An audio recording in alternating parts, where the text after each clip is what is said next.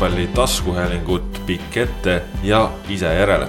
täna teemadeks Premium-liiga, vaatame üle selle, mis nädalavahetusel toimus, lisaks arutame meistrite liiga jutte, sellepärast et sel nädalal selguvad poolfinalistid ja saate kolmanda suurema teemana võtame ette jalgpalliseisu Inglismaal Premier League'is.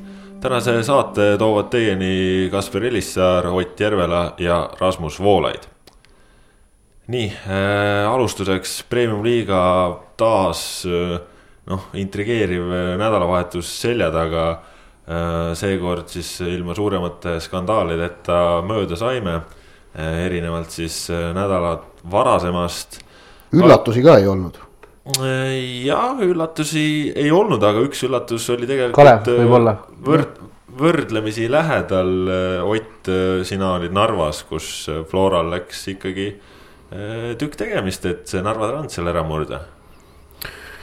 no nii oli jah, et, et noh, Floral vast ütleme nii, et olid, oli küll kergem, noh, ülikerge mänguline ülekaal, ma ütleksin, kuni selle kaheksakümne neljanda minuti penaltini ja, ja okei okay,, Frank Liivak tabas korraga latti, aga, aga seal oli ka Transil väga häid momente, et Henri Järvelaid lõi seal ühe standardolukorra puhul kolme sekundi jooksul kaks korda palli värava joone pealt klaariks näiteks. et, et Trans tegi tõesti nagu südipartii ja, ja Trans avaldas mulle ausalt öelda muljet ja, ja see on ka noh, näiteks pärast mängu seal Burdakovidega, Transi siis noh, omaniku ja tema pojaga vesteldes ma ütlesin ka, et noh, et. et noh, ausalt, et noh, et lõbusat jalgpalli mängite ja haarav on vaadata ja, ja noh, tõesti noh, hea meeskond on tegelikult, et noh, et läheb ilusasti aega, et. ja siis nemad vastu, Kossi muidugi nojah, aga noh, tulemusi on vaja, vaata punkte ei ole, ma ütlesin, ma ütlesin ka noh, et noh, tõsi on, et praegu ei ole, aga no vaadake, mis teil nagu vastas on olnud, te nagu kuue vooruga olete mänginud äh, esinelikuga on ju, et, et see on nagu noh, mõnes mõttes natuke loogiline, punkte on vähe. aga kui vaadata nüüd ikkagi Transi kolme partiid nende Tallinna tippsatside vastu, Kaljuga null-null, Levadiaga üks-kaks ja Floraga null-üks. siis noh, kõikidel puhkudel oldi mängus kenasti sees. ja täitsa peaaegu lõpuni välja ju, et selles mõttes äh, Trans jättis, Trans jättis hea mulje.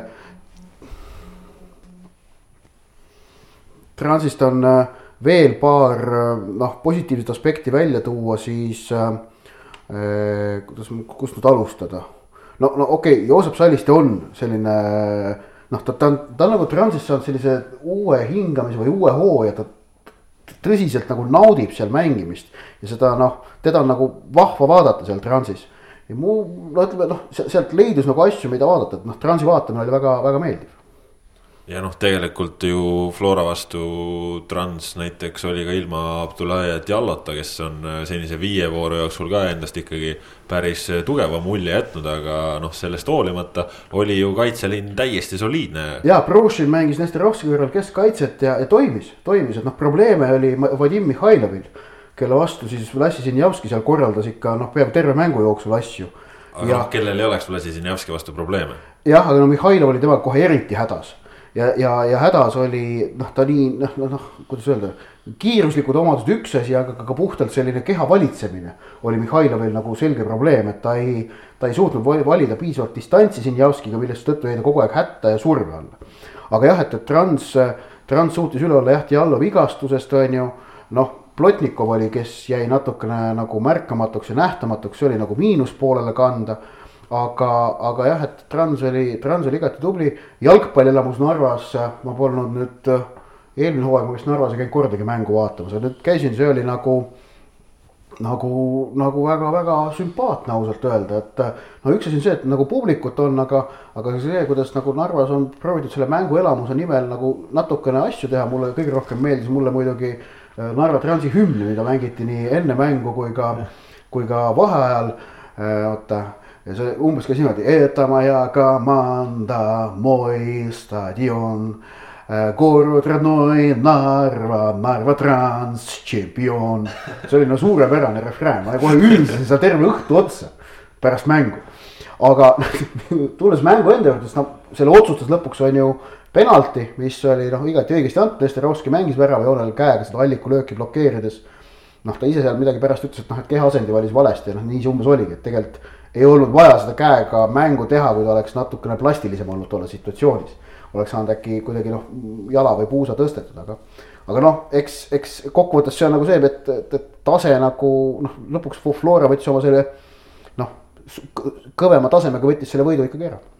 ja noh, kes ju Flora poolt äh, mängu otsustas Erik Sorga ja vägisi-vägisi tundub, et tahab Frank Liivaku käest esiründaja kohta endale napsata minul on Sorgaga selline, selline küsimus tekkis pärast eelmist mängu ja enne seda Transi mängu, et äh, mida oleks, kas Sorgal oli võimalik üldse Transi vastu algkoosseisu kuidagi pääseda juba, juba varasemalt või nagu ta oli neli väravat, kas ta oleks pidanud midagi veel tegema või see oli juba nagu äh, ette kindel põhimõtteliselt, et Surga saab selle ühe mängu ja kui, läheb suurem vastane ja transi näol jälle, siis, siis läheb Liivak tagasi, aga. ma arvan, et see oli tol hetkel oli see niimoodi paika pandud ja see on noh, mõnes mõttes ka jah, loogiline. ma, ma olen ise aga nüüd, nüüd nõus. on nagu, nüüd on jälle vaata asi lahti. nüüd edasi, edasi äh, noh, ütleme äh, ma arvan, et need, kaks mängu olid nagu paika pandud jah, et, et Sorga saab Maardu ja Liivak saab Transi ja siis vaatame edasi vähemalt, vähemalt on niimoodi loogiline ausalt. niimoodi on loogiline, eks Flora on ju selgelt, äh, nad näevad, nad näevad seda Liivaku potentsiaali muidugi äh, tipuründajana, eks tal on vaja veel kõvasti tööd teha, aga, aga selgelt noh, Flora on, on valinud tee ka, et äh, toetada just Liivakut ja aidata tal areneda, sest noh, temas on ju uuesti potentsiaali mängida välismaal ja, ja noh, Flora kahtlemata sellistele asjadele mõtleb. ega Liivakul jälle ei jäänud ju palju puudu noh, esimene poolaeg näiteks see pealöök, mis sinna lati, transi lati peale kukkus, see oli tal ikkagi noh, see, see mõte, mis sellest nagu sooritusest läbi kumas, see mulle väga sümpatiseeris. ta valis väga targa lahenduse, peaaegu ainuvõimalikult targa lahenduse. Äh, tehniliselt sai selle sooritusega hakkama noh päris hästi, okei okay,, noh, see, et see löök kukkus latti, noh, see on, seal oli väiksed marginaalid. aga, aga ta mõnes muus episoodis ka, ta tegutses päris kenasti tegelikult. ja noh, ma ikkagi alati rõhutan ka seda, et okei okay,, Sorga lõi nüüd penalti sisse. Äh, mis on alati kaheksakümne neljandal minutil alati tükk tegemist, mitte mingit nagu noh, ei tasu seda alahinnata. aga vahetuses sekkunud ründajal on alati palju lihtsam silma paista kui algkoosseisus alustanud ründajal, sest ta saab mängida väsinud või kurnatuma kaitseliini vastu. ehk et eh, see on ka kindlasti nüüd nüanss, mida ei tohi ära unustada. just, eh, Floral igatahes praegu kõik asjad hästi tabeli tipus eh, täiseduga ja, ja nende kõrval samuti täiseduga FCI Levadia, nemad laupäeval siis olid saamas korraliku üllatuse osaliseks, kui Viljandi tulevik siin Tallinnas peetud mängus läks juhtima noh, päris sellisest õnnelikust olukorrast nende jaoks, aga, aga samas see pidu väga kaua ei kestnud ja lõpuks viis-kaks võit. Äh, noh, Levadia mängus on ikkagi just äh, kaitsefaasis on neid murekohtasid, et Eesti koondise esiväravat Sergei Leppmets ei ole saanud siin väga nullimängudega hiilata ja, ja kuskilt kaitses mingisugused lohakused ikkagi sisse tulevad ja Leppmets ju tegelikult ei ole, on, on ise ka olnud selles süüdi. vähemalt toosama Narva mäng, kus kaks-üks võideti, siis eh, üks värav oli selgelt tema, tema praak, kui ta sealt külje alt selle eh, terava läbisöödu värava ette läbi lasi. ja sealt ei olnud palju puudu, et oleks selleks hetkeks, kui see sööt tuli, oleks juba olnud üks, üks tema vea tõttu selja taga ka. samas nädal aega tagasi Tartus Tammeka vastu, seal nagu Leppmets paistis jälle heade tõrjetega silma. ta paistis üks-kaks kaotas. mitte ta, ta, ma ütleks, et ta ei tassinud, ta ei teinud midagi imelist, aga tõesti, ta oli kindel mm.. ta ei pidanudki tegema midagi imelist, seal oli üks keegi, mitte keegi poleks teinud midagi imelist, aga ta oli, siis ta oli kindel, jah, ma nüüd seda tulevikumängu nii konkreetselt äh, ei tea, kas ta seal ka midagi tegi või ei teinud. ei no seal eksimusi kui selliseid äh, noh, ei, ei saa öelda, et oleks teinud, aga noh ütleme noh, see esimene värav, Rainer Peips, seal ju Maksim Podoljuzin klaaris äh, saagi tsenderduse joone pealt äh, Peipsile ette ja noh, seal sihuke mõne meetri äh, saginast, noh, see pall sinna võrku läks, no selliseid asju juhtub. ja saagi see teine värav kus ta ise siis lõi, noh, seal ka noh, sai õnneliku puutega kaitsest mööda ja noh, ma ei tea, võib-olla paremal päeval oleks Leppmets ära võtnud, aga no ei saaks ka öelda, et ta mingit käkki oleks teinud, et noh, selle nurga alt noh, ma ei, ma ei usu, et nagu suuri probleeme on, aga no ikkagi väike, väike selline murekoht üleval on, et kuidagi natukene lapsikult Levadia kohati seal kaitsefaasis mängib või, või kas siis tullakse tõesti liiga enesekindlalt peale, no ma, ma ei tea, igatahes praegu natukene nagu neid ohumärke on, et seda taga ei saada asja pidama ja noh, nüüd, kui nädalavahetusel neil ees ootamas mäng Paidega, no siis see on kõige suurepärasem test, et näha ära, mis, mis seisus see Levadia siis noh, tegelikult on, on ju. aga noh, Viljandi tuleviku poole pealt Kaimar Saag, teda tuleb küll esile tõsta, no täiesti fenomenaalne kvaliteet, mis temal on, see võitleja hing, noh, suurepärane oli nädalavahetusel vaadata, kuidas Saag, noh, vahet pole, mis seis see oli seal, oli ta, oli ta üks-null, oli ta kaks-kolm, mis iganes, Saag võitles meeletult lõpuni, aga noh, tegelikult hiljem kaks-viis olukordades. no see töötahe ja, ja see tööeetika, ma arvan, et see on nagu Äh, Viljandi meeste jaoks äh, väga heaks eeskujuks selline professionaalne suhtumine. Äh, kindlasti, kindlasti, kindlasti väga kõva täiendus ja noh, praegune saak sisuliselt igas mängus, mis ta mänginud on. noh, on kas löönud ise värava või, või leiutanud mingisuguse väravasöödu. ehk siis noh, täpselt see, kui me hooaja eel siin rääkisime tulevikust ja, ja sellest, et huvitav, et kes nendel neid rünnakuid vedama hakkab, sest selline persoon justkui puudus. noh noh, sest äh, Rainer Peips ja Indrek Ilves on küll nagu tuleviku kontekstis head jalgpallurid, aga, aga premium-liiga kontekstis äh, kindlasti on nendel veel nagu tõestamisruumi, on ju. siis äh, noh, Saag on küll praegu äh, täitnud äh, tulevikurünnakul selle tühja koha ja, ja see annab tegelikult väga palju, ma arvan, ka usku kogu meeskonnale, et kui sa siin noh, lööd Nõmme Kaljule kaks väravat, lööd Levadiale kaks väravat, siis ju noh mõnes mõttes on asjad ikkagi hästi. ma tuleks korraks nüüd juurde, tagasi Levadia juurde. ehk et äh, Levadia väravate vahe on praegu nüüd kuue vooruga kakskümmend kolm, viis äh,. aga need, neid kahte numbrit eraldi vaadates, kahekümne kolmest kaheksateist on nad löönud tabeli kolmele viimasele, Maardule, Tulevikule ja Kalevile ehk et äh, esiteks ma tahan, mis ma tahan öelda, on see, et, et see löödud väravate arv ei ole tegelikult noh, nii muljetavaldav. adekvaatne jah, et, et number, number on suur, aga. võõras väljakul kõik kolm mängu on olnud üheväravalised võidud Levadiale. just äh,. Kuressaares üks-null, Narvas ja Tartus kaks-üks ning, aga sisse on lastud viis väravat äh, kuue vooruga, mis on praegu kõrgligas alles paremuselt viies näitaja ehk et vähem on löödud nii Florale, Paidele, kes on mõlemad ainult ühe värava välja võtnud Äh, Transile on löödud kolm ja Kuressaarele neli. ehk et see viis löödud väravat Levadia puhul, äh, noh, ma tean, mängitud on alles üks kuuendik hooajast, aga pikas plaanis on seis see, et äh, tiitleid võidetakse kaitsjaga. Ja mänge rünna, rünnakuga, on ju. Aga tiitleid võidetakse kaitsega ja noh, see, kui, kui Levadia jätkab samasuguses tempos, neil lüüakse hooaja lõpuks kolmkümmend väravat, sellega Eesti meistriks pigem ei tule. Äh, see on tegelikult muljet äh, avaldav või sihuke üllatav asi, sellepärast et Levadia, kui sa vaatad äh, seda kaitseliini isikkoosseisu, siis see on, no ma arvan, paberil küll kõige Kas tugevam. sind on Ossipov veennud? jaa, on küll, Ossipov õhuvõitlustes väga-väga tugev, väga tugev. ja ma ütlen, noh, Ossipov on ikkagi okay. praegu esimeste voorude pealt minu jaoks küll ikkagi pigem nagu selgelt plusspoole peal mängija, et. Ossipovi paariline pigem olnud see problemaatiline seda on vahetatud kogu aeg. no seal ei ole jah, võib-olla ei ole leitud seda nagu head klappi ja noh, tegelikult noh, kui nüüd siin viimastes mängudes Maksim Podoljužin on mänginud, noh tema on ju ka premium-liiga üks paremaid keskkaitsjaid üldse. ja, ja selle nurga alt ongi huvitav, et noh, seal on veel Markus Jürgenson, seal on Dmitri Jurov, et äh, väravas Leppmets, et noh, kuidas seda asja pidama ei saada muidugi ma nüüd natuke valetasin, Kaljule löödi eelmine aasta kolmkümmend kaks väravat, tulid meistriks küll aga äh, Dima Kruglov ütles mingi mäng välja, et oli siis pärast Tammeka kaks-üks võitmist, et et selliseid mänge, selliseid raskeid võite tuleb hooaja jooksul seitse-kaheksa tükki kindlasti, et nagu see on paratamatu, ei saagi kõiki, kõiki mänge suurelt võita. Neil on juba kolm. Neil on juba kolm olnud, ma arvan ka, et selle praeguse seisuga ei tule seitse-kaheksa, et võib isegi seitseteist, kaheksateist tulla niimoodi selliseid raskeid mänge, et nagu. no samas on jällegi see, et aga, sa... aga juba, juba on, praegu on juba need raskeid mänge võidetud. ja, ja ongi, et kuni sa need mängud ära võidad, siis on ju lõpuks kõik hästi, sest noh, ongi, Levadia on ju praegu tabeli tipus, aga, aga noh, ikka mingisugused murekohad on ja kindlasti Aleksandr Rogits, Levadia peatreener ka, äh, neid on adresseerinud ja nendega tegeletakse. aga, aga äh, laupäeval oli ka üks siis noh, kelle jaoks suur üllatus, kelle jaoks väike üllatus, kelle jaoks mõõdukas üllatus, igatahes Tallinna Kalev, punktid käes. Aleksander Dmitrijevil esimene peatreeneri karjääri võit kirjas, Maardu alistati kaks-null. noh, Maardu hakkab ikkagi vist näitama, et mentaalselt ollakse nõrgad.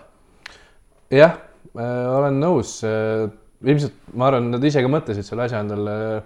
noh, nad mõtlesid, et nad on selged favoriidid ja nad peavad seda näitama, aga nad ei suutnud seda alguses näidata ja siis võiski väga keeruliseks minna, sest äh, ja vastupidi, kuidagi Tallinna Kalev keskmine vanus kakskümmend, aga kuidagi jube, jube küpselt mängisid algusest peale. Äh, neil, neil ei olnud tegelikult nii-öelda väga häid võimalusi, aga nad suutsid nii-öelda enda need paar tükki ära kasutada ja ja muidugi Karl-Andre Valner ja no kui on, on siis tõesti nii hea või? no siis tolles mängus ta oli ikka tõesti, tõesti oli hea, nagu sisendas kindlust iga, iga oma liigutusega oma meeskonda ja suurepärased väljatulekud, suurepärased tõrjed no, joone peal. mis Kal Kalevit puudutab, siis äh, ma juba vaatasin äh, hooaja eel äh, natukene noh, sellise kerge üllatusega, et, et koosseis hästi-hästi noor aga kui sa vaatad, kuidas nad mängivad, siis äh, Aleksandr Dmitrijev tundub treenerina no nii pragmaatiline vend olevat, et äh, noh, sealt äh, õhkus no ma ei tea, noh, ideid, kindlust on ju, aga, aga tundus, et Kalev, et kuidas et kui sa vaatad seda nimekirja, et see ei, see ei tohiks olla sats, mis mängib sedasi. ja kusjuures Maarduga mängiti veel niimoodi, et äh, Lee oli pingi peal, Mussa Allit polnud üldse ja see äh, kolmas mees, Ben Guiali või see. Ben, ben Guiate, jah. Guiate oli ka veel äh, pingi peal, jah. ja selle, ma, ja oligi just enne, enne Maardu mängu ma vaatasin koosseisu, et, et vau, et äh, legionärid jäetud kõik pingile, Danil Tšetšogov kaitses ja teevad ära.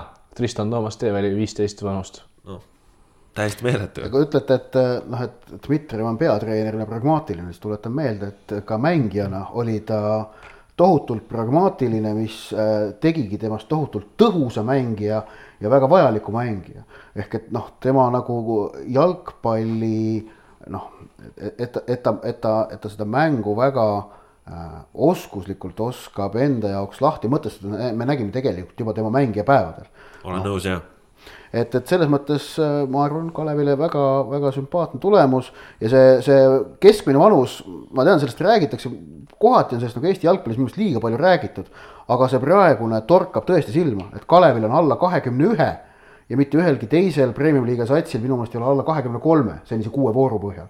et need käärid on tohutult suured ja, ja see on nagu noh, kui, kui nagu suudab Kalev niimoodi jätkates liigakoha säilitada niimoodi, et nad ei pea näiteks suvel teab mis suurt värbamist tegema. aga ma arvan, et nad teevad jah. no, no, no midagi nad teevad, et natukene kindlustada ilmselt, aga, aga siis noh, see on nagu tohutult suur pluss, mille saab nagu Aktivasse kanda. sellepärast, et noh, et kui noored kutid saavad selle aasta jagu premium-liiga kogemust, see on nagu väga kõva pluss. noh, võiks vist öelda näiteks seda, et noh, et, et noh, näiteks praegu noh, ma ei, ma ei tea, kas see on nagu, kuivõrd täpne see võrdlus on, aga ma vaatan, et Pärnu Vaprusel näiteks praegu esiliigas on noh, tulemuste järgi neil nagu mõned mängud tulevad päris niimoodi hõlpsalt kätte. et seal kindlasti on nagu osaliselt see, et need kutid on saanud ju premium-liigas kogemusi. et nad sellega võtavad esiliigas selliseid noh, murevabu võite. Ronaldo Tiismaa kaks aastat premium-liigas all ja ikkagi väga-väga-väga. jälle lõi hat-trick'i on ju. ja ikka rämedalt lööb seal esiliigas just. noh, just et äh, selle nurga alt äh, jah, ootame-vaatame, mis äh, Kalevist saab ja tegelikult ju üks positiivne uudis ka veel Kalevi jaoks. Hannes Anier vigastuspausilt naasnud ja, ja Rasmus võib vist öelda, et esimesed liigutused olid päris lubavad. väga lubavad olid ja, et tal seda, no ta enda sõnavõttudega kogu aeg sisendab ka, et on teised, teised on kahelnud, et kas ta ikkagi tahab ja jaksab veel ja veel tagasi tulla, aga tema seda kogu aeg ütleb, et jalgpall, ma armastan jalgpalli ja seda igast liigutusest on näha, et mees on tõesti rahul, et ta saab jälle tagasi väljakul olla, et tegi, ravis ennast sel talvel terveks ja ja kui nüüd siin saab täishooaja, saab nüüd, saab, saab vormi, saab pallitunnetuse kätte, siis on üks nii-öelda suvine täiendus on Hannes Anier jutumärkides, kes võib hakata siin aasta teisel poolel ikka suuri asju tegema. jah, Hannes Anier kahtlemata, noh, ma arvan ka, et vahepeal jalgpalli üldsus on nagu natukene teda kippunud maha kandma, aga, aga ma arvan ka, et tegelikult põhjust ei ole, sest noh, tal on olnud ikkagi ühe jalgpalluri, jalgpalluri kohta meeletult palju ebaõnne kõikide nende vigastustega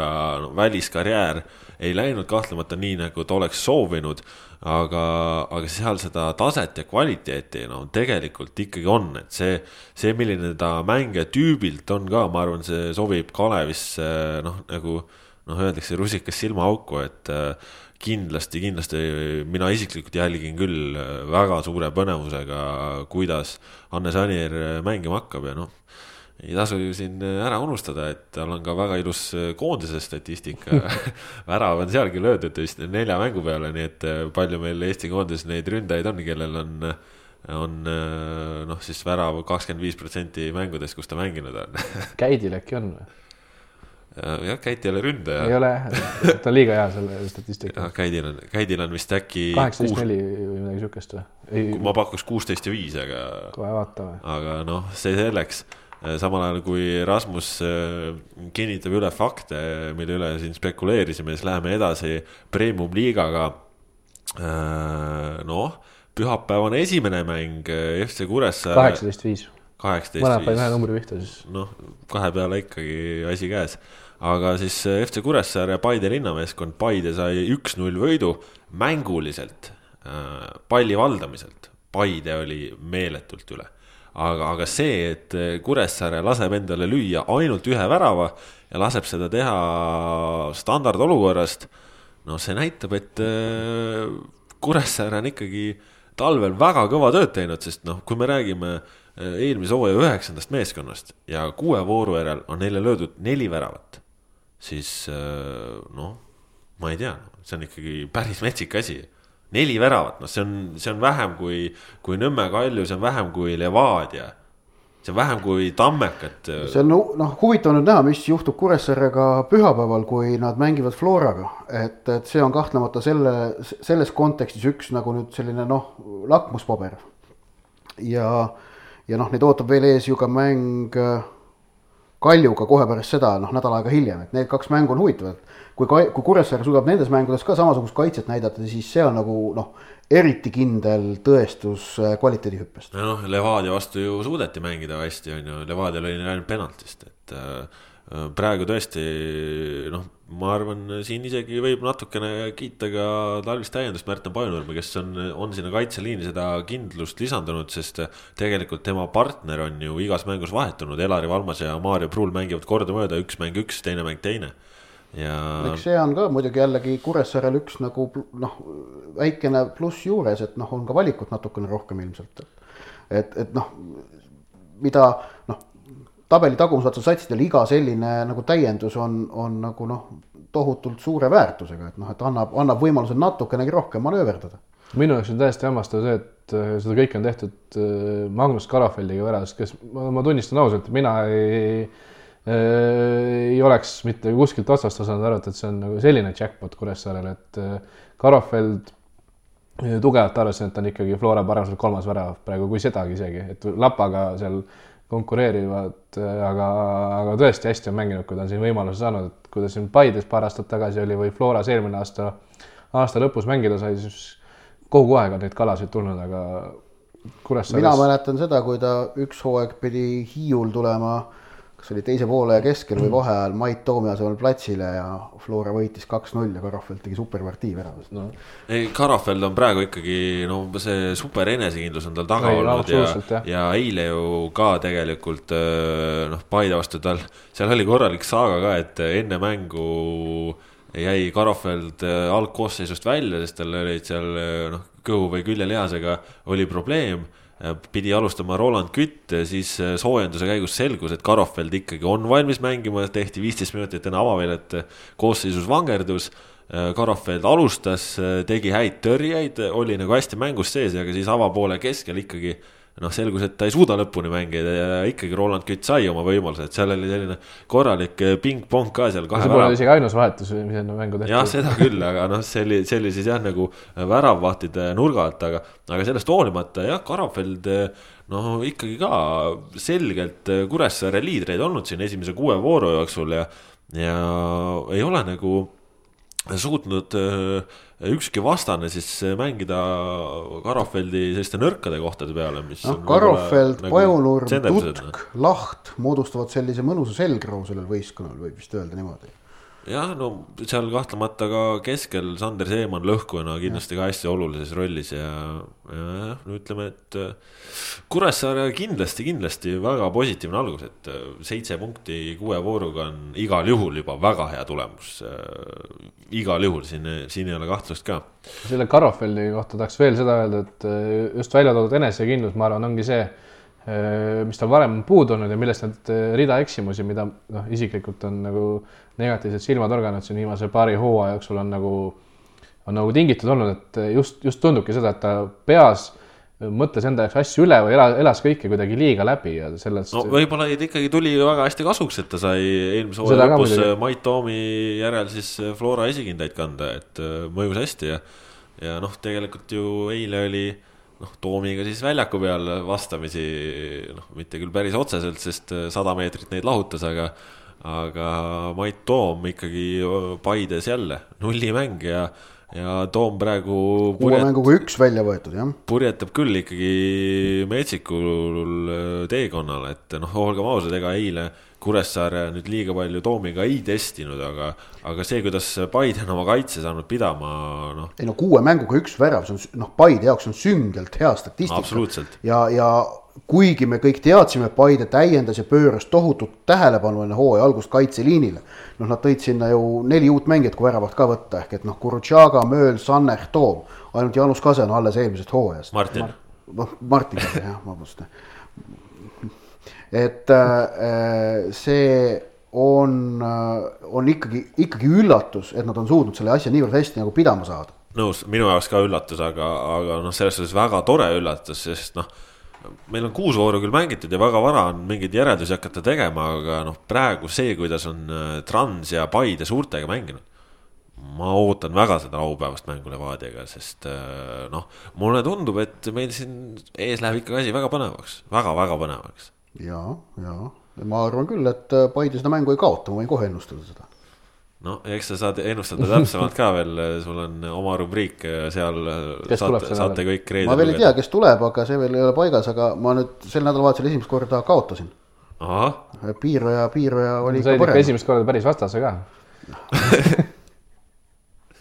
nii ta oli, aga, aga Paide kohta veel ja lõpetuseks tõesti näitasid siis äh, Äh, eile ka, et, et kuigi mängiti ilma oma esiründajateta, Alassane Jata ja Kevin Kauberita, siis äh, värav leiti ikkagi üles, Henri Välja, noh, tema ka kaks tuhat üks sündinud äh, kutt ja noh, mängib nagu kulda, et teda jube, kindlasti, kindlasti ootab ees suur tulevik ja noh, kui me oleme koondise vaatenurgast ka alati vaadanud, et kes võiks teravjalgne Konstantin Vassiljevi asendaja kunagi olla, siis noh, väljal vähemalt löögioskuse poolest on kindlasti eeldus, et mõlema jalaga superlöök. ärme nendele Kuressaare löödud värava pealt hakka Vassiljevile mantlipärijat nimetama. ei, me ei, me ei hakkagi, me ei hakkagi selle pealt, aga, aga noh, välja on ka eelmisel hooajal karistuslöökidest juba sahistanud, et noh, kui sa oled kaks tuhat üks sündinud ja sa oled Paide linnameeskonna standardolukordade lahendaja, siis noh, midagi see ikkagi näitab, et mm -hmm. ja noh, ta on ju mänginud hästi, mitte me ei räägi siin ühest õnnestumisest, vaid ta on äh, Paide põhimees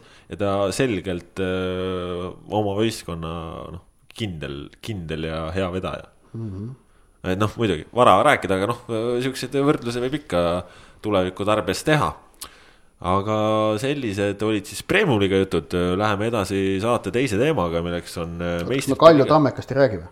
aa, räägime küll mingi mäng oli veel. mingi mäng oli veel, jah. vot siin äh, niimoodi juhtus. no Liliu sai, sai ju hooaja esimesed väravad kirja, et, et ta oli nagu noh noh, noh, ta proovis pärast mängu olla seal ikkagi selline nagu noh, nõnda öelda professionaalne ja ajada sellist nagu noh, kelbast nagu ikka need ründajad poliitkorrektset juttu ajavad pärast seda, kui nad on väga hea ja isiklikult äh, suurt rahulolu pakkuva mängu teinud, aga aga no ma ütlen, noh, ma seal temaga kahekesti juttu ajasin, siis kehakeelest paistis küll välja, et tüüp oli ikka nagu tohutult rahul, et noh, no, no ikka oli saanud väga suure pinge endal selja pealt maha, et noh, et noh, kujuta ette, kui sa oled eelmise hooaja top skoorer ja sa lähed kuus mängu ilma väravat, et noh, uuel hooajal, see oleks oleks olnud äh, suur probleem. Ja lihtsalt oleks see, et iga mänguga oleks need pinged nagu kuhjunud.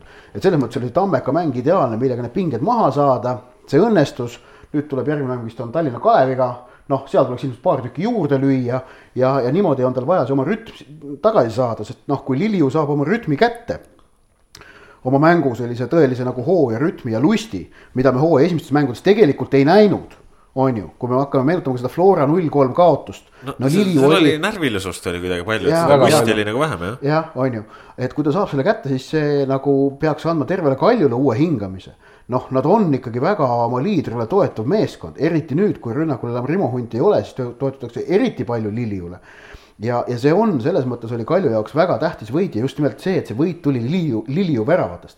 see oli väga tähtis ja noh, ütleme realiseerimine oli tal mängus ka selles mõttes, et okei okay,, tal oli üks, üks, üks olukord veel kohe teise poole alguses, mida ta ära ei löönud, lõi posti. viimase vi,, viimase sekundi olukord ka. see oli, noh, see oli, noh, vot seal oli see, et seal ma väidan, seal enam nagu mingit pinget ei olnud, sest kõik teadsid, et mäng on kohe läbi, kaks-null, noh, see ei olnud niivõrd kindel olukord ka aga ütleme, kolmest kaks lõi, lõi väravateks, on ju, kus see kaks-null värava, see oli see, mille ta nagu ise ehitas ikkagi. et seal ei olnud nagu seda, et, et tal oleks mingi hea sööt olnud, vaid ta ise pidi endale võimaluse endale trahvikasti sees äh, üles ehitama, sai sellega hakkama, lõi hästi ära veel. et äh, see oli nagu noh, väga-väga hea partii temalt.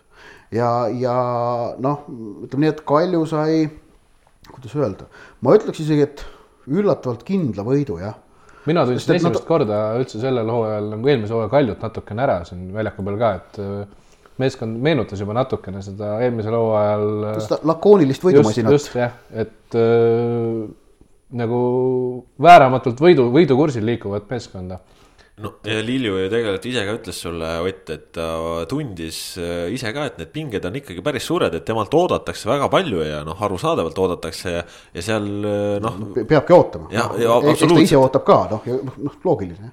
et selles suhtes ikka noh, ka mõnes mõttes nagu viimane hetk, et, et see punn sealt maha saada ja ma arvan, et noh, just enesekindluse nurga alt ikkagi väga suur äh, boost siis temale, väga suur selline enesekindluse andja, nagu sa ka ütlesid ja noh, siin tõesti see võib tegelikult olla siin Kalju hooaja alguses täiesti selline murranguline hetk. jätame selle kohe meelde, selle mängu.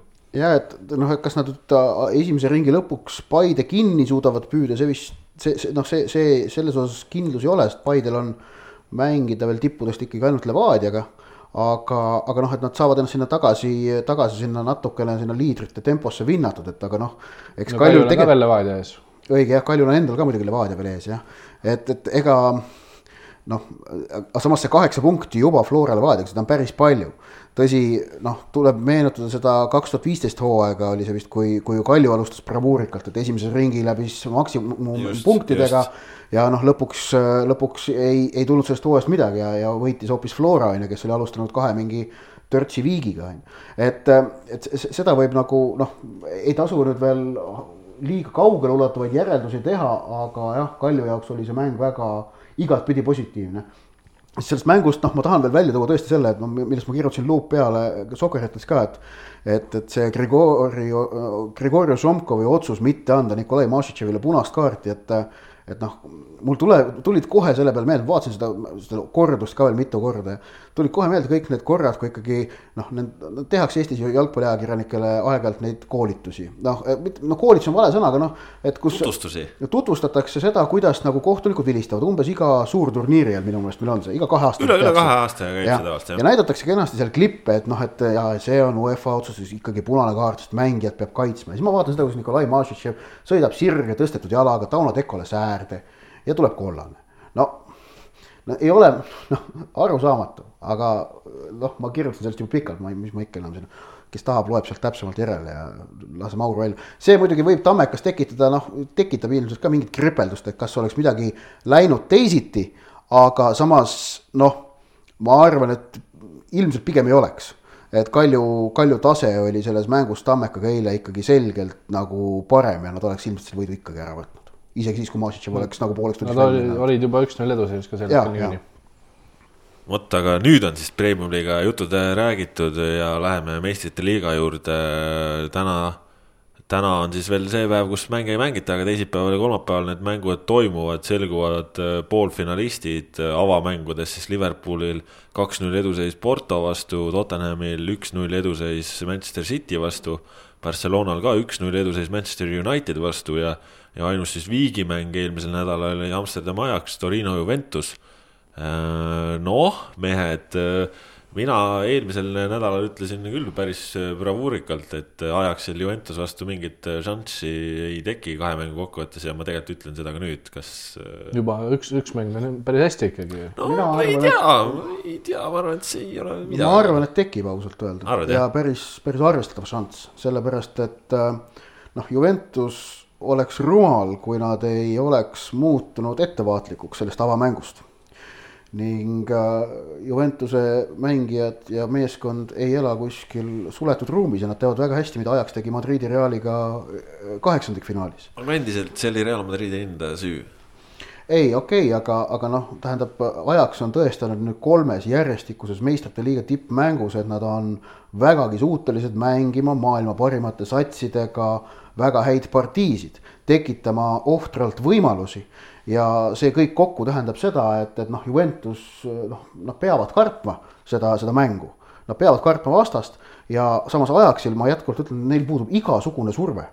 ju kogu surve selles paaris lasub Juventusel ja see tekitabki võimaluse, et Ajax võib seal ka kordusmängus midagi teha.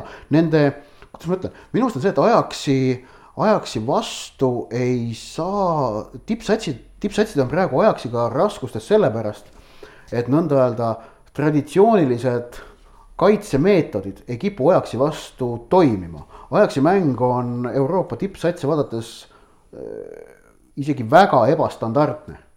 ja see on tekitanud, tekitas probleeme Realile, on tekitanud probleeme Juventusele alagrupi turniiril tekitas veel seal mingitele satsidele probleeme ja noh, selles mõttes Ajaxit tasub, tasub karta. Mina arvan ikkagi, et Juventus seal äh, võtab oma ära, okei okay,, Ajax on tõesti super, super hästi on nagu mänginud küll, aga aga ma ei tea, tõesti äkki Juventus siis kuidagi tuli ise pehmelt peale, aga, aga Torinos ma ei noh, ma ei tea sise, sisetunne ütleb, et Juventus ei jäta ajaks seal ikkagi võimalust. Juventus ju seda, seda nad muidugi näitasid, et klassi on neil täpselt äh,. Neil on ikka väga vähe vaja selleks rünnakuks äh,, väravaks. see oli ikkagi, Ronaldo tegi kaks head liigutust ja oligi üks-null olemas põhimõtteliselt. ei, absoluutselt, ei no see, et Juventus on noh masin, see, seda nagu keegi ei eita. ega aga... jah, et see masin võib vabalt ka kolm korda toimida ühe mängu jooksul ja, ja.... aga jah, ajaks on, ajaks. aga see ajaksi rünnak on fenomenaalne. ja kõik nagu jalgpall, aga ma usun, et kõik nagu natukenegi neutraalsed jalgpallis nagu õudselt tahaksid, et ajaks sealt paarist edasi läheks. ja ei, nagu absoluutselt, noh, ajaksi edu on ju siin loodetud juba pikalt. kas Kellini on nüüd tagasi teises mängus? Kuidas selle, no eks kuuleme siin mängueelsetest juttudest, äh, kuidas Kellini tervis on, aga noh, ajaks äh, jah, tegelikult ju ikkagi oma selle nooruslikkuse ja selle noh, ikka nii ulja mängustiiliga, tuimalt kõrgelt pressingusse, surve alla, mitte mingisugust aukartust, et see on nende ikkagi suur leib ja ja noh, kahtlemata, eks üks, üks, üks, üks seisu pealt ju äh, variant on kindlasti olemas, aga aga ma millegipärast. seda, et ajaks lööb võõrsil värava Juventusele. ma arvan, et äh, Juventus võidab selle mängu suurema vahega kui kaks väravat. okei okay., no vot siis. no see ikka vähe bravuuri ka meil saatesse. kuradi bravuurikas võib praegu. no aga tahab bravuuri, no siis vaatame järgmise paari, võtame siis noh, Barcelona, Man United, et kas tuleb jälle Sulcher otsustab üheksakümne kolmandal minutil Nou Campil mängu ära. No, mingi, mingi, mingi, mingi vahetusega. no aga ütle, ütle meile vaid, kas otsustab. ei otsusta, ma ei ma ikka ei näe varianti, et sealt isegi, oletame, et isegi kui Messi jääb kõrvale mängust.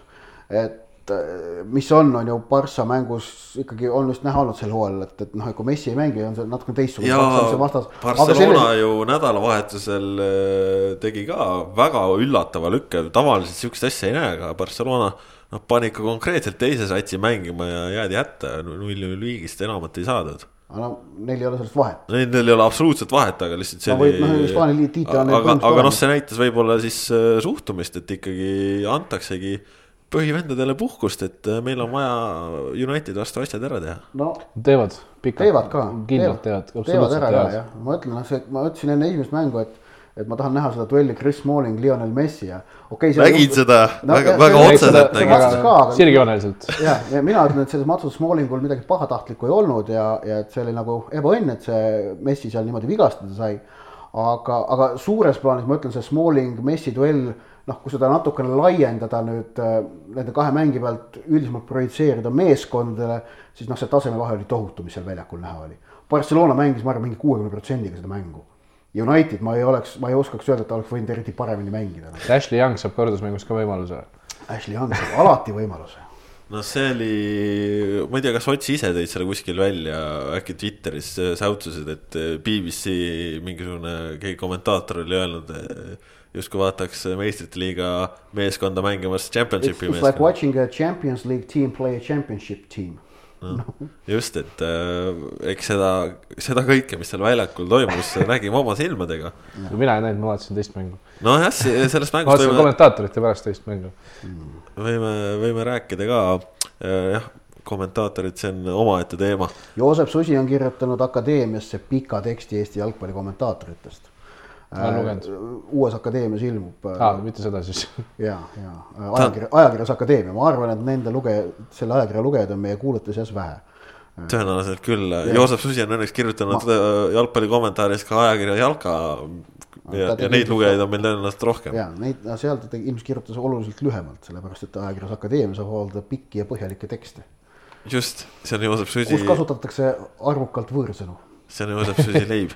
aga läheme jalgpalliga edasi siit äh, Susi ja kommentaatorite juurest. Äh, no võtame selle ikkagi siis kõige põnevama mängu, kus oli, oli üllatust, sest Manchester City valdas äh, Tottenhami vastu palli, aga, aga väravad lõi Tottenham mis asja? ei olnud üllatus, Tottenham ongi parem võistkond, kes järgmisel nädalal peab võitma kaks korda Manchester Cityt okay. siin kõlab siis praegu Liverpooli fänni soovunelmad aga, aga noh, et äh, selle mängu järeldus üks on see, et äh, mida, ma kuskil välismeedias nägin, kuidas öeldi väga noh, ikkagi, ikkagi väga salvavalt.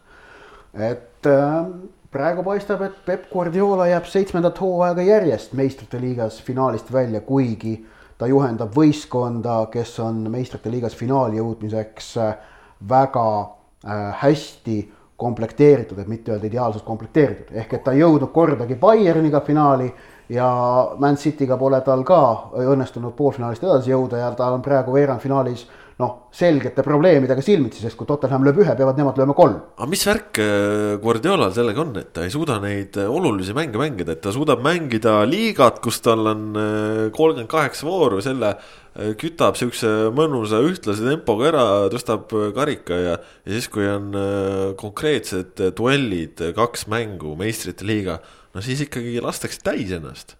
millest see tuleneb? no ma arvan, et see on väga hea küsimus tal on endal seesama võib-olla et noh, no aga jah, et see, see muster, see, see ei saa olla juhus, vaid seal on, seal on kindel seaduspära olemas.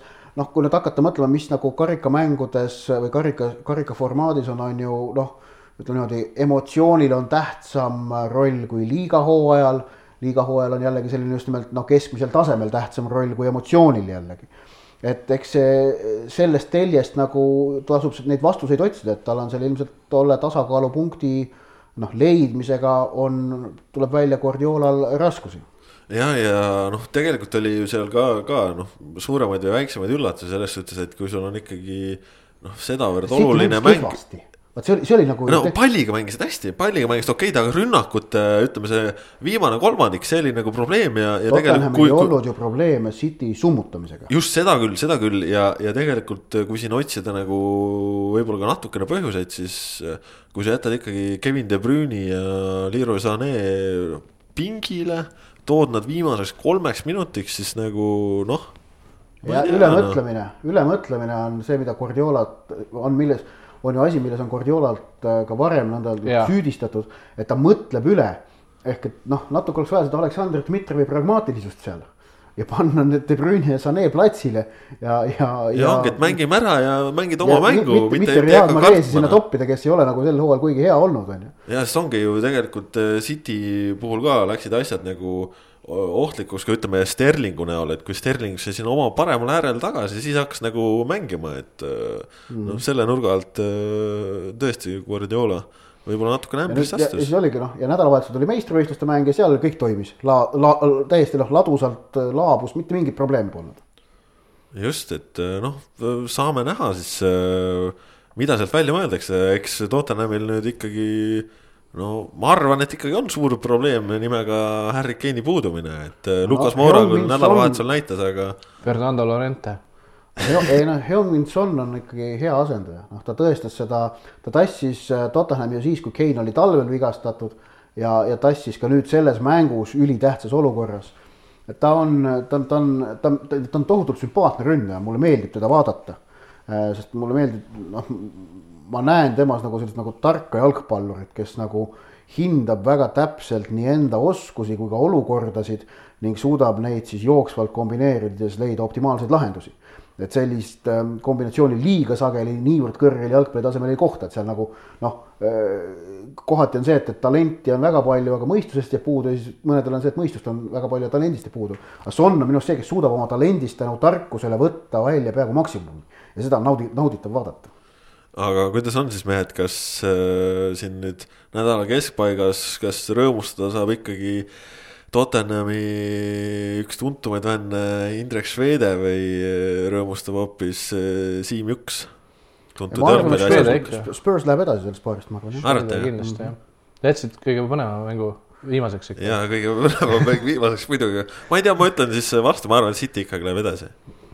okei okay., aga noh, Porto Liverpool kordusmäng, et noh, seal ainuke asi, kui see asi võib põnevaks minna, on siis, kui Porto saaks, ütleme, esimese poole tunniga üks-null ära löödud siis, siis võib põnevaks minna, aga muidu ma usun, väga ei lähe. aga nüüd on küsimus on see, et, et noh, et Liverpoolil ikkagi noh, et mis nende jaoks tähtsam on, kas meistrite liiga või Premiership? kindlasti Inglismaa, kindlasti Inglismaa. see on see, mis võib Liverpooli jaoks noh, selles mängus ilmselt ei saa määravaks. no samas, kui, kui siin vaadata viimase kahe mängu algkoosseise, siis kas ei olnud pigem niimoodi, et, et see nagu parem sats mängis ikkagi nädala keskel ja nädalavahetusel ei olnud, ikkagi suhteliselt äh, lihtsalt väik-, väikene rotatsioon ja Lovren mängis ju Porto vastu ja nüüd mängis Matip uuesti. ikkagi Matip on praegu rankingus üle, ülevalpool okay. keskkaitsjate rankingus. seal ei ole väga tähtis, kes seal Van Dijk'i. ma arvan, et, ma arvan, et seal pandi, see Porto vastu läks selle suure kolliga, kes seal neil ees on, pandi lihtsalt nagu füüsilisem mees ehk Dejan Lovren nagu sellepärast pandi algkoosseisu muidu on ikkagi Matip olnud viimased. aga kas sul, Rasmus, Liverpooli toetajana natukene hirmus ikkagi ei olnud vaadata, kuidas Porto nõelas päris mitmel korral? ei olnud. ei olnud jah ma olin, ma olen enesekindel, Porto on mugav sats ju, viis-null eelmine aasta ja nii edasi, et äh, Casillasest on lihtsalt natuke kahju, muidu ei ole, muud ei ole probleeme okei okay,, ega seal äh, tõesti tegelikult ju üllatust ei ole, aga tegelikult Rasmus põhjus, miks me jätsime Liverpooli Porto mängu viimaseks on äh, väga lihtne, äh, nimelt me teeme siit sujuva ülemineku Premier League'i peale. ja Premier League. väga oskuslik saatejuhtimine kasvõi, see oli, see oli no briljantne manööver, briljantne manööver. Liverpoolist, juba tuli see küsimus ka. ja, kuidas minna Liverpoolist on ju Inglismaale ja see on hea küsimus, jätkame no.. Porto, Porto on võõrsil ju ka, Portugalis on mäng ju, kuidas sealt nii mugavalt, aga. ei no mis see, see ajate praegu mingit mäda meil suust välja meil on küsimus ikkagi see, et kes tuleb Inglismaa meistriks. podcast'i ei tohi teha. Manchester City või Liverpool? no ma tean. kümne päevaga saab selgeks. ma tean, ma tean, mida ütleb Rasmus Voolaid, seega Ott Järvela, räägi sina no no seis, noh, et igaks juhuks raadiokuulajale ka siis infoks, et seis on see, et, et City kaotab Liverpoolile kahe punktiga, neil on üks mäng rohkem varuks ehk et kui City võidab kõik oma alles jäänud mängud, siis on nad Inglismaa meistrid. Äh, isegi kui Liverpool võidab kõik enda omad. aga äh, noh, Cityl on selgelt keerulisem kalender, sest nad mängivad veel Tottenhamiga ja mängivad Unitediga. Äh, ehk et noh, ja selles mõttes Rasmusel on õigus, et järgmise kümne päevaga saab selgeks, et kui City suudab Tottenhami ja Unitedi mõlemad alistada liigas, siis on, ma usun, nemad juba selged soosikud lõpusirge eel, sellepärast et siis on viimase kolme mängu eel noh, siis on Liverpooli mast rohkem maas. siis on, siis on Liverpooli mast maas, kui, kui City võidab need kaks mängu ära, see annab Liverpoolile emotsionaalse paugu.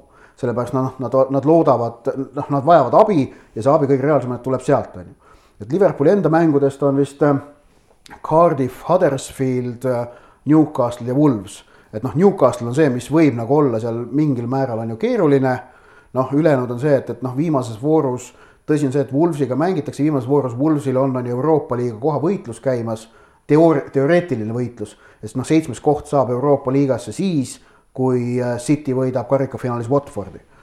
aga noh, see on iseasi on see, kas nad tahavad sinna Euroopasse saada, kõik need Evertonid, Lesterid ja noh, tegelikult. viimaseks vooruks juba selge olla ka, see võib olla selge viimaseks vooruks, kes saab, kes tuleb seitsmendaks. ja see no võib ka selge, selge olla, aga noh, pigem ei ole, sest seal on neli satsi väga tihedalt koos praegu.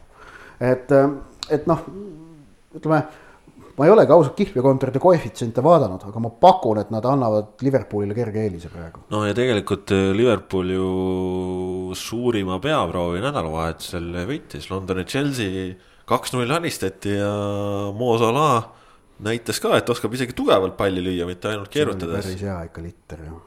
Rasmus, räägi sina nüüd oma tunnetest. teist aastat järjest saab äh, Salah puškase siis ka eelmine aasta selle naljavärava eest ja seekord siis saab päris no, värava. selle eest ei saa anta puškast. sellest ei saa ka puškast anda jah see.... no naljavärava eest ka ei saanud anda. no seda ei saa. no seal on see, et noh, et kuna FIFA tahab äh, teha rahvahääletust, et oleks nagu asi demokraatia ja fännid kaasatud, siis tulebki see farss välja ja Ferenc Puskas peab hauas ringi keerama, kui tal jälle läheb millistest sogadest nüüd tema nimelist auhinda välja antakse. aga Rasmus, räägi sellest nädalavahetuse mängust, sa seda põhjalikult vaatasid. Äh, see on üks väheseid mänge sel hooajal, mida ma ei saanud vaadata kahjuks kusjuures nii imelik kui see ka ei ole. aga ma tahtsin sellest rääkida üldse, et räägitakse, et äh, Liverpooli fännidel on ülikeeruline kuidagi nagu seda City Unitedi mängu vaadata, kui nad peavad Unitedile poolt hoidma, see on hästi kuidagi patriotismi vastane ja nii edasi, mina sellest, sellest nagu näiteks absoluutselt aru ei saa, kui sul on, kui meeskonnal on selgelt vaja äh, Unitedi võitu, siis mis vahet seal on, et see on Manchester United, sul on tiitliheitlus käimas ja sa oled nagu igal, igal juhul oled Unitedi poolt ja ja, ja nii edasi ja, ja kuidagi tunded sees kogu seda tiitlivõistlust vaadates on, ei ole üldse sarnased sellega, mis oli viis aastat tagasi, kui see legendaarne Gerardi libis, libastumine ja see Crystal Palace'i kolm-kolm mäng olid, et kuidagi see meeskond on täiesti teistsugune ja ja isegi nii palju on see tunne teistsugune, et kui me, kui, kui me lõpuks jääme tiitlist ilma, sest City võidab kõik ülejäänud mängud, siis kuidagi ma pigem ei ole kurb, et ma kaotan selle tiitli, vaid ma tunnustan Cityt, sest see, selleks nad peavad vist kümme mängu järjest võitma umbes ja, ja me saame City saab kokku üheksakümmend kaheksa punkti ja me saame üheksakümmend seitse, nii et ei ole nagu. no seal on see vahe jah, et ütleme, Peep Guardiola juhendatud Cityle tiitli kaotamine on mõnevõrra hõlpsam alla neelata kui Manuel Pellegrini juhendatud Cityle. ja kui City saab üheksakümmend kaheksa ja Liverpool saab üheksakümmend seitse, siis parem võitis ka ikkagi. jah Nonii, äh, eks see tõde siis selgub meil siin veel jooksvalt, äh, tõmbame tänasele taskuhäälingule joone alla. Sellised olid siis seekordsed jutud, uued jutud nagu ikka järgmisel esmaspäeval, nii et seitse päeva läheb mööda selle ajaga. selgub meil näiteks muuhulgas, kes on meistrite liigas poolfinaalis, selgub näiteks see, kuidas läheb nädalavahetusel Paide ja Levadia mäng, aga, aga ka muud lahingud. selgub ka see, mis värvi mune toob lihavõtte jänku seekord just, äh, suur pühade nädalavahetus ka meil siis Eestimaal siin äh, ees ootamas. Meid jalgpallilainel see kuidagi ei mõjuta, aga, aga värvige siis neid munegi. selline oli kuues saade Pikk ette ja ise järele, oleme tagasi nädala pärast. tänase saate tegid Kaspar Ellisson, Rasmus Voolaid ja Ott Järvela, nii et kuulmiseni taas